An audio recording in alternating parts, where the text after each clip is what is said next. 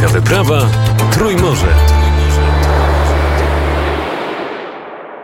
Paweł Bobołowicz e, w nocy, e, kiedy jechaliśmy, kiedy rozstawaliśmy się e, w Talinie, wtedy Paweł Bobołowicz pojechał do Narwy, z Narwy do Rygi, a teraz jest w Wilnie i o Narwie nam opowie, a nie o panu Anatolu którego spotkaliśmy w Talinie, bo to długa opowieść na inną okazję.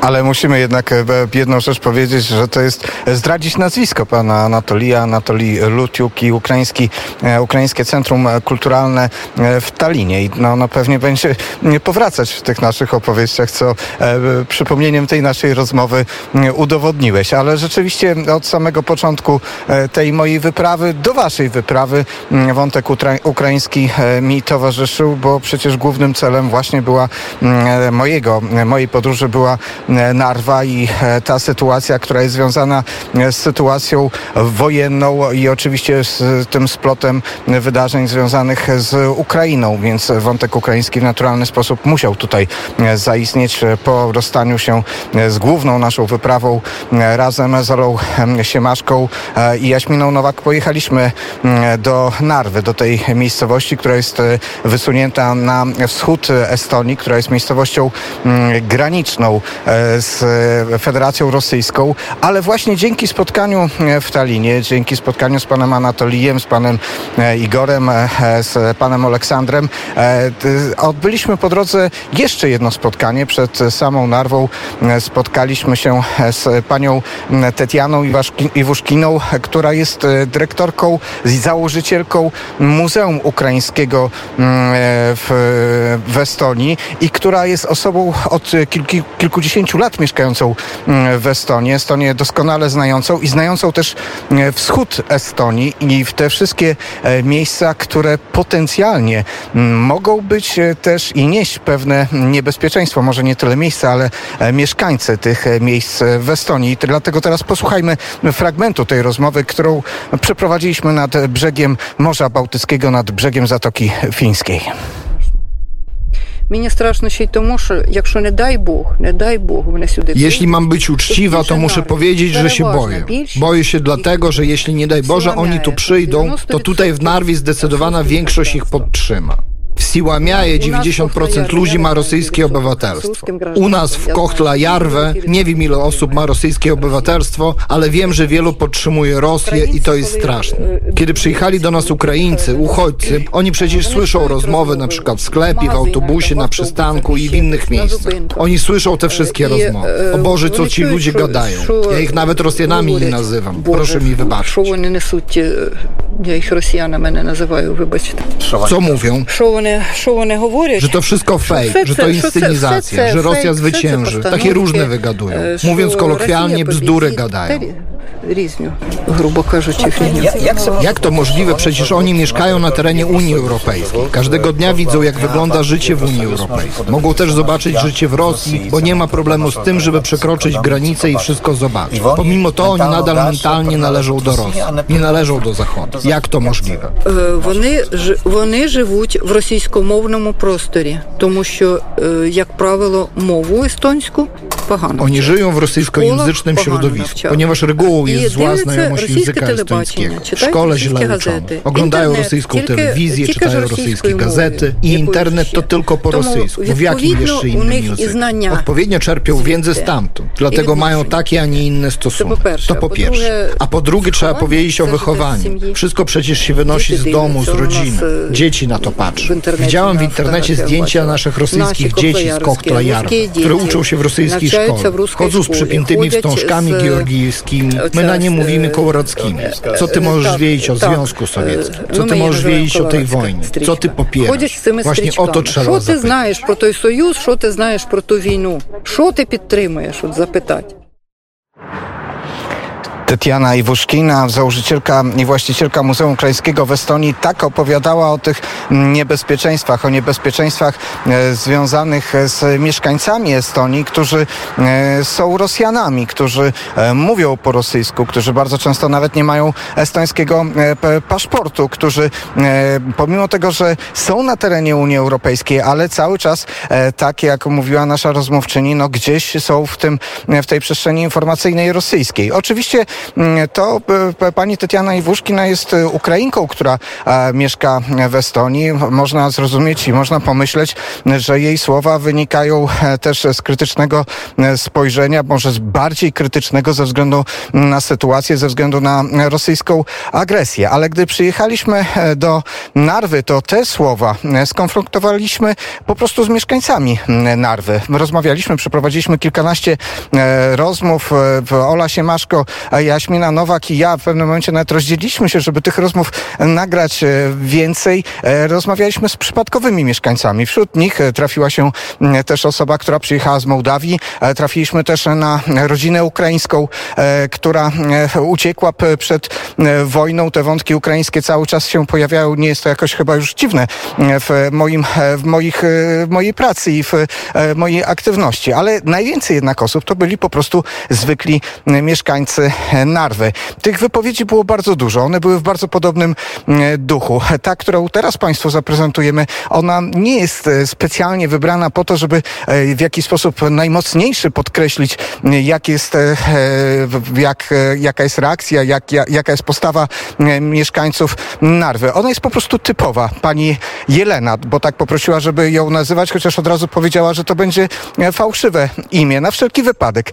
Mm, opowiedziała po prostu najpełniej to wszystko, co słyszeliśmy w urywkach od innych naszych rozmówców. Tę rozmowę nagraliśmy przy samym przejściu granicznym pomiędzy, pomiędzy Narwą a Iwanogrodem, e, czyli rosyjską częścią Narwy, którą Rosjanie, której zmienili e, nazwę, bo tak Rosjanie zawsze czynili. Po tym, jak e, miejscowość Narwę opustoszyli z rodzimych mieszkańców, wywożąc stamtąd Estończyków i zasiedlając Rosjan. Pani Jelena jest taką osobą, jakich z wiele w Narwie, czyli częściowo mieszka w Rosji, częściowo mieszka w Estonii. I to, co ona sądzi o wojnie w Ukrainie, to, co sądzi o Rosji i co sądzi o Zachodzie. Posłuchajmy. Я гражданка России, конечно, да, да, да, да. Oczywiście, że jestem obywatelką Rosji. Tak, tak, tak. Oni powiedzieli, że to ograniczona wojenna operacja. Jakby oni nie zrobili tę ograniczoną, powstałaby nieograniczona wojenna operacja i byłaby tutaj u nas. Bo tak jak teraz została wzmocniona ta granica z Donieckiem, to niech państwo uwierzą. Oni nie zatrzymaliby się i mieliby na tyle rozumu, żeby zaatakować i tym podobne. Nie wątpię w to ani przez sekundę. Po co ja się pytam, by ubudować te wszystkie umocnienia? Jak nie miało się zamiaru robić wiadomo co. Czyż nie mam racji? Понятно, что делать. Я не права? To myśli pani, że Ukraina chciała zaatakować Rosję? Nie сомневаюсь ни секунды. Nie wątpię w to ani przez sekundę. Tak na pewno by się stało, a NATO jako serdeczni przyjaciele obowiązkowo by pomogli. Mówiła pani, że nie zna pani żadnego Ukraińca. Skąd pani czerpie informacje? Z telewizji, z gazet? Tak nie znam. Nie mam telewizora ani tu, ani tam. Mam tylko głowę na karku. Jednak coś pani czyta. Czytam w internecie poważne artykuły. Nie tylko rosyjskie, ale także zachodnie. Różne zdania na ten temat istnieją. Czy zna pani takie nazwy jak Bucza, Irpień? Tak, znam. W Irpieniu kiedyś byłam na wakacjach. To wspaniałe miejsce. A czy wie pani, co tam się wydarzyło? Nie, nie знаю, потому что источник информации один единственный. Это только западные СМИ. Nie, nie wiem. A to dlatego, że jest tylko jedno źródło informacji. Tylko zachodnie media, a z naszej strony nikt nie odbiera żadnej informacji. Jeżeli chodzi o Irpień, to nie wiem. Ale jestem pewna, że to, co stało się w Buczy, to nie Rosja zrobiła. A to dlatego, że już wtedy nie było tam rosyjskich wojsk. Czytałam o tych ludziach, których tam pokazano. Przecież ci ludzie zmarli, przecież leżeli tam nie jeden dzień. Czyli ich zebrali, ułożyli, pokazali i już. I nie ma w tym nic nad wyraz skomplikowanego. Tak mi się wydaje. Dlaczego nie można coś podrobić, aby uwierzytelnić przekaz? Nic nie stoi na przeszkodzie, aby tak zrobić. Myślę, że właśnie tak teraz się dzieje. Показали, и все, ничего такого мудреного нет. Мне так кажется. Почему ради того, чтобы не утвердиться в какой-то мысли, не поделать что-нибудь? Совершенно спокойно Точно. И мне кажется, что это все и происходит сейчас как раз. A Mariupol? Mariupol już się remontuje, ale na początku go zbombardowali. Bombardowali dlatego, że w domach, w których mieszkali mieszkańcy Mariupola, na dole tych domów były zrobione otwory pomiędzy mieszkaniami i stały tam czołgi, które strzelały. Na górze tych domów siedzieli inni specjaliści od strzelania i robili to samo. Dlatego należało to wszystko powstrzymać. Dlatego właśnie to się wydarzyło. Oczywiście, że część domów w Mariupolu została zniszczona. все прекращать, вот поэтому это и произошло. Часть домов Мариуполя, конечно, разрушена. Mariupol to przecież Ukraina. Dlaczego Rosjanie to robią? Это Украина. А мое мнение такое, что вот я вам сказала, какое Tak, мнение. to Ukraina. Ale moje zdanie jest takie, jakie Państwu powiedziałem. Jeżeli na dole budynku stoi czołg, a ludzie siedzą w piwnicy, to okropieństwo czystej wody ze strony Ukraińców. Jeśli by Państwo tam się znaleźli, jakie byście mieli zdanie na ten temat? Myślę, że takie samo jak ja. A jeżeli mielibyście inne zdanie, to znaczyłoby to, że jesteście tymi, którzy siedzą w czołgu. I to wszystko. Wydaje mi się, że to, co teraz się odbywa, nie jest zwykłą wojną. Jest to wojna światopoglądu. Tak mi się osobiście wydaje. Jest to coś, czego nie da się pogodzić. Jest to niemożliwe. To to, co примирить невозможно. Jakich światopoglądów? Na przykład jest światopogląd zachodni, czyli spojrzenie na świat zachodni, a jest rosyjskie spojrzenie na rzeczywistość. Wspólnie z Rosjanami są też inne kraje, które dotrzymują się takiego spojrzenia na życie, na konstrukcję życia. Dlatego uważam, że jest to nie do pogodzenia. I mnie кажется, примирить невозможно.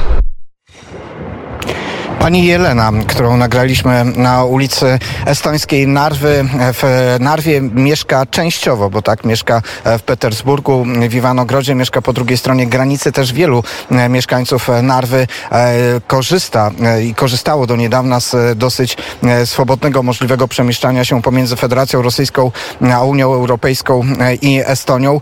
I te poglądy, które zaprezentowała, które przed chwilą Państwo usłyszeliście, to są typowe poglądy tych osób. Niewątpliwie niewątpliwie wynikające stąd to ta dociekliwość e, Oli Siemaszko, która dopytywała skąd pani Jelena czerpie, e, czerpie swoją e, wiedzę. Wypowiedzi pani Jeleny i wielu innych osób nie są zawsze konsekwentne. Gdzieś tam w pewnym momencie pojawia się ten wątek, że jednak pomimo zakazu oglądają rosyjskie media też na terenie, na terenie samej Narwy. No i tę narrację niewątpliwie w tej wypowiedzi było słychać. Muszę się przyznać, że prowadzenie prowadzenie takich rozmów jest wyjątkowo e, trudne, bo e, wywołują one e, emocje i myślę, że u każdego z nas, jak rozmawialiśmy z tymi osobami w Narwie, które no po prostu zaprzeczają ewidentnym mm, faktom, jest taka chęć trochę buntu i dyskutowania, ale po to, żebyście Państwo mogli usłyszeć te zdania wypowiedziane spokojnie i nie w awanturze swoje własne emocje czasami trzeba trzymać na postronku. No cóż, takich osób w Narwie jest wiele ponad 92% e, mieszkańców Narwy posługuje się językiem rosyjskim. Ponad 86% mieszkańców Narwy to po prostu mm, Rosjanie. E, po tym wyjeździe, po tych e, rozmowach powstaje refleksja, że Narwa, że ta wschodnia część Estonii jest tym miejscem potencjalnie szczególnie niebezpiecznym w przypadku możliwej dalszej rosyjskiej agresywnej polityki, że tam może dojść do e, tego pierwszego bezpośredniego starcia z e, krajami natowskimi. A być może nie. Być może e, fakt, że właśnie Rosja ma takie miejsce, taką enklawę na terenie Unii Europejskiej, przez którą łatwo może wchodzić nie tylko w, w, w życie społeczne, nie tylko w przestrzeń geograficzną, ale też w nasze umysły, w naszą przestrzeń medialną. Być może to powoduje, że Rosja będzie jak najdłużej starała się odciągać uwagę E, od e, tego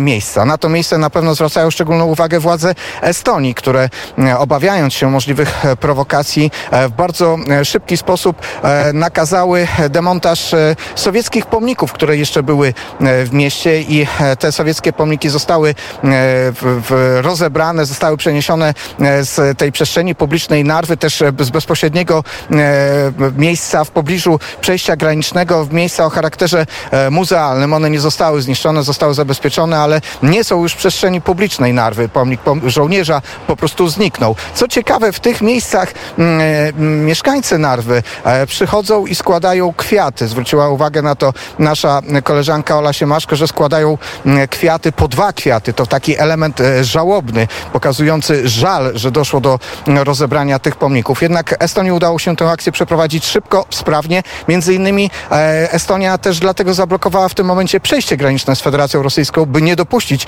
do żadnych możliwych prowokacji. Właściwie ta blokada przejścia granicznego w dużym stopniu trwa, bo teraz osoby, które przechodzą przez przejście graniczne, to są te osoby i te mogą przechodzić, które mają prawo pobytu na terenie Unii Europejskiej. E, wiele z tych osób narzekało nam na ograniczenia e, w ruchu z Federacją e, Rosyjską, no i czekają na to, że jak najszybciej Unia Europejska jednak zniesie wszelkie restrykcje w stosunku do Rosjan. To dla mnie był to też taki dowód, że to Rosjan wyjątkowo jednak boli i zmusza do pewnej refleksji, ale nie wiem, czy to jest refleksja pogłębiona, bo jak Państwo słyszeliście te historie, które pani Jelena i inni nasi rozmówcy opowiadali o wojnie e, w Ukrainie wbrew faktom i logice, no czasami można powiedzieć, że po prostu są przerażające.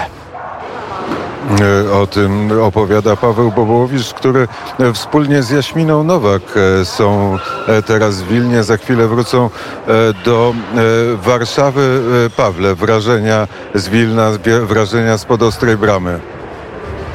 No oczywiście, ja muszę się Państwu do tego przyznać, to aż właściwie e, jest taki element e, wstydliwy w moim życiorysie, ale jestem pierwszy raz, e, no drugi raz, ale pierwszy raz to był przypadkowy i bardzo ograniczony, gdy byłem w Wilnie, teraz byłem tylko na lotnisku w Wilnie, a teraz po prostu jestem w Wilnie i oczywiście dotknięcie ostrej bramy, spojrzenie Najświętszej Pannie wprost w oblicze, no to jest po prostu coś niezwykłego. Zobaczyć że faktycznie jaśnieje i zobaczyć blask e, ostrej bramy i panny w ostrej bramie, no to niezwykłe uczucie i, i napełnia e, i emocjami, i, i wzruszeniem. E, no i miasto jest cudowne, jest przepiękne. Po tych wrażeniach talińskich, ryskich, dzisiaj Wilno znowu niestety bardzo szybko, bardzo krótko.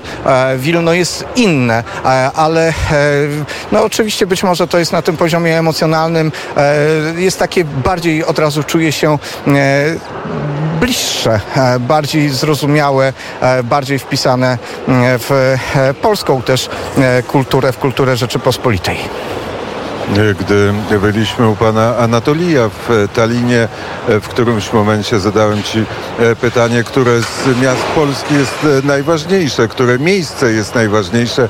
I powiedziałeś e, kaplica, w której podpisano dominikańska, w której podpisano Unię Polsko-Litewską i teraz jesteś pod ostrą bramą, to gdzieś ta twoja wielka wyprawa w ten sposób się zamyka.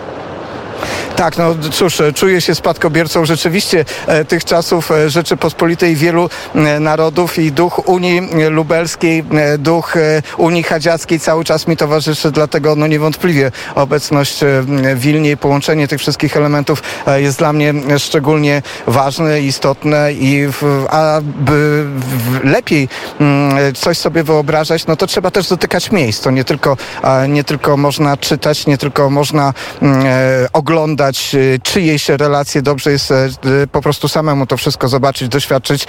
E, dlatego chociaż krótko i szybko i właściwie przy okazji wyjazdu do Narwy, ale to Wilno też jest dla mnie mm, bardzo istotne i ważne e, na tej trasie. Szczególnie oczywiście, że to wszystko mogę obserwować w tym momencie wojny. Gdy opowiadałeś o tej fladze nad dworcem w Helsinkach, no cóż, w krajach bałtyckich flag ukraińskich jest po prostu mnóstwo. Widać olbrzymie wsparcie dla mm, Ukrainy, olbrzymią solidarność z tym krajem, ale też e, wzrastającą tą solidarność e, też z naszym krajem. A na dworcu widać e, też zegar za 30 sekund, godzina, godzina ósma. Za 30 sekund połączymy się ze studiem w Warszawie. Pawłowi, Oldze i Jaśminie Nowak bardzo serdecznie dziękuję za udział w wielkiej wyprawie, a wielka wyprawa trwa. Dziś Helsinki, jutro Sztokholm,